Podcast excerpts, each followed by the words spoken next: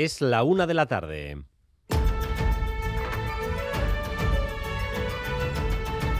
Crónica de Euskadi con Dani Álvarez. A Ratzaldeón, las consecuencias penales de la ley del solo sí es sí han llegado hoy al origen de todo.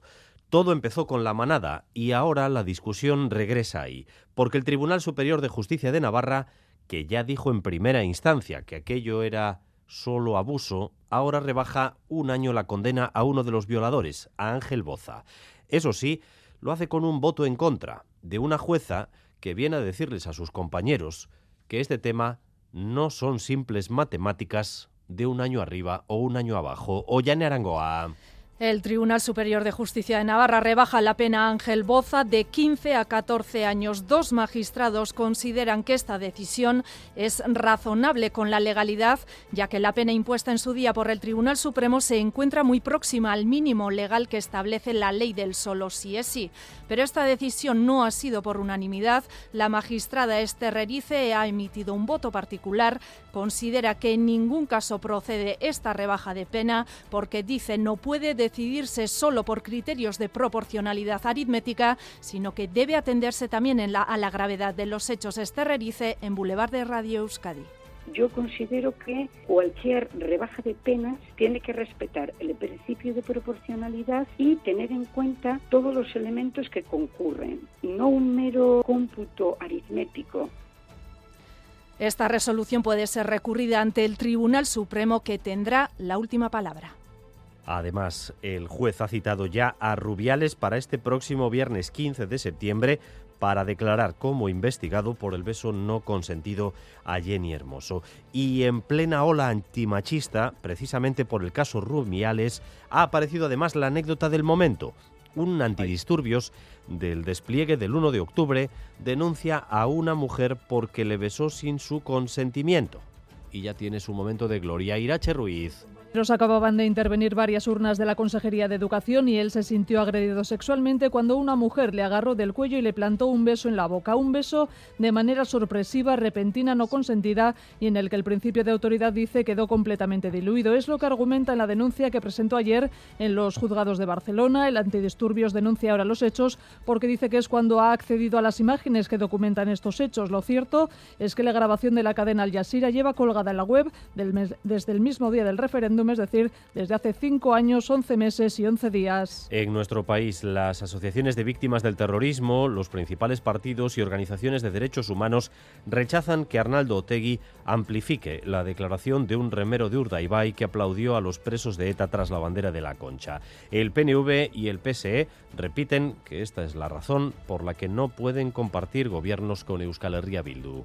Hay otros, como el señor Otegui, que pretende que, en fin, que se conformen nuevos gobiernos o nuevas alternativas. Parece mentira que haciendo esa propuesta sea incapaz de reconocer que siguen en una casilla de salida que desde luego no es la que espera la ciudadanía vasca. Lo que hizo Arnaldo Tegui va en sentido contrario a lo que esta sociedad le demanda y lo que hace precisamente que Euskal Herria Bildu tenga problemas para, para ser un partido homologado a todos los niveles Euskal Herria Bildu, por su parte, responde lo mismo que dijo cuando se denunciaron las webs municipales de memoria o cuando incluyó a expresos con delitos de sangre en sus listas, que todos hacen una campaña contra ellos.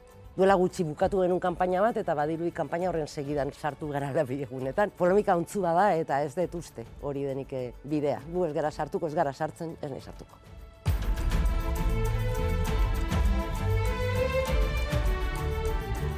Estos últimos días con tormentas de granizo y decenas de litros de agua acumulados en tan solo una hora son efectos del cambio climático.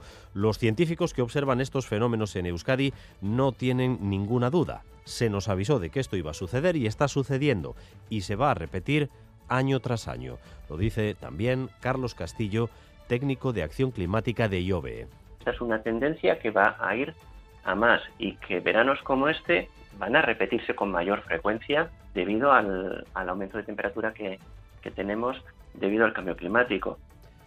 Las granizadas han abollado decenas de coches en varias localidades, como ya sucedió hace tan solo unas semanas en Vitoria-Gasteiz o en Zumaya. Sus propietarios van a tener que esperar varios días hasta poder arreglarlos, no solo porque hay lista de espera, sino porque tenemos otro factor añadido.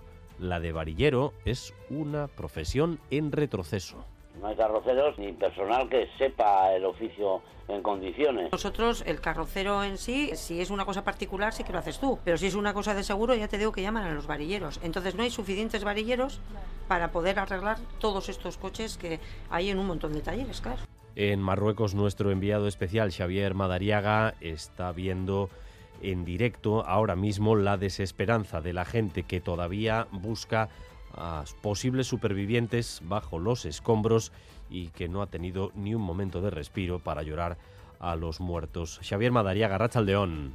Sí, y además aquí la ayuda que llega no es suficiente. Para el gobierno de Rabat, ayudar es dar seguridad. Es verdad que hay momentos de mucha tensión, a veces por una simple manta, seguridad y comunicaciones. Para eso, lo que manda primero Rabat son militares y maquinaria que va abriendo carreteras literalmente tragadas por las laderas del monte. No es suficiente. Las noches son frías, en el Atlas faltan mantas y tiendas de campaña, y eso en las localidades mejor paradas donde se ha conseguido llegar. Hay otras que los equipos de rescate nos dicen todavía solo son accesibles vía helicóptero y no se está haciendo, se dan directamente por perdidas.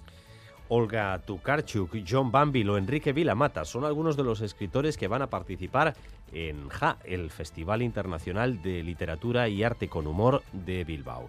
El JA se dará a partir del 27 de este mes y de él Carolina Ontivero destaca que este año cuentan nada menos que con una premio Nobel de Literatura. Estaría encabezado por Olga Tokarczuk. Eh, es la primera vez que un premio Nobel de Literatura eh, viene a nuestro festival, que tiene además un poder narrativo eh, en el que mezcla de manera muy natural un universo mágico y, y con un gran sentido del humor. Y vamos también con lo más destacado del deporte con Álvaro Fernández Cadierno. Arracha León, Álvaro. Arracha León presentado una nueva edición de la Euskal Copa ACB. La, la van a jugar el viernes en Galdacao, Bilbao Basket y Basconia. El conjunto a la vez juega esta tarde ante el Zaragoza en Estella. En fútbol internacional tenemos partidos de clasificación para la Euro 2024 en Alemania.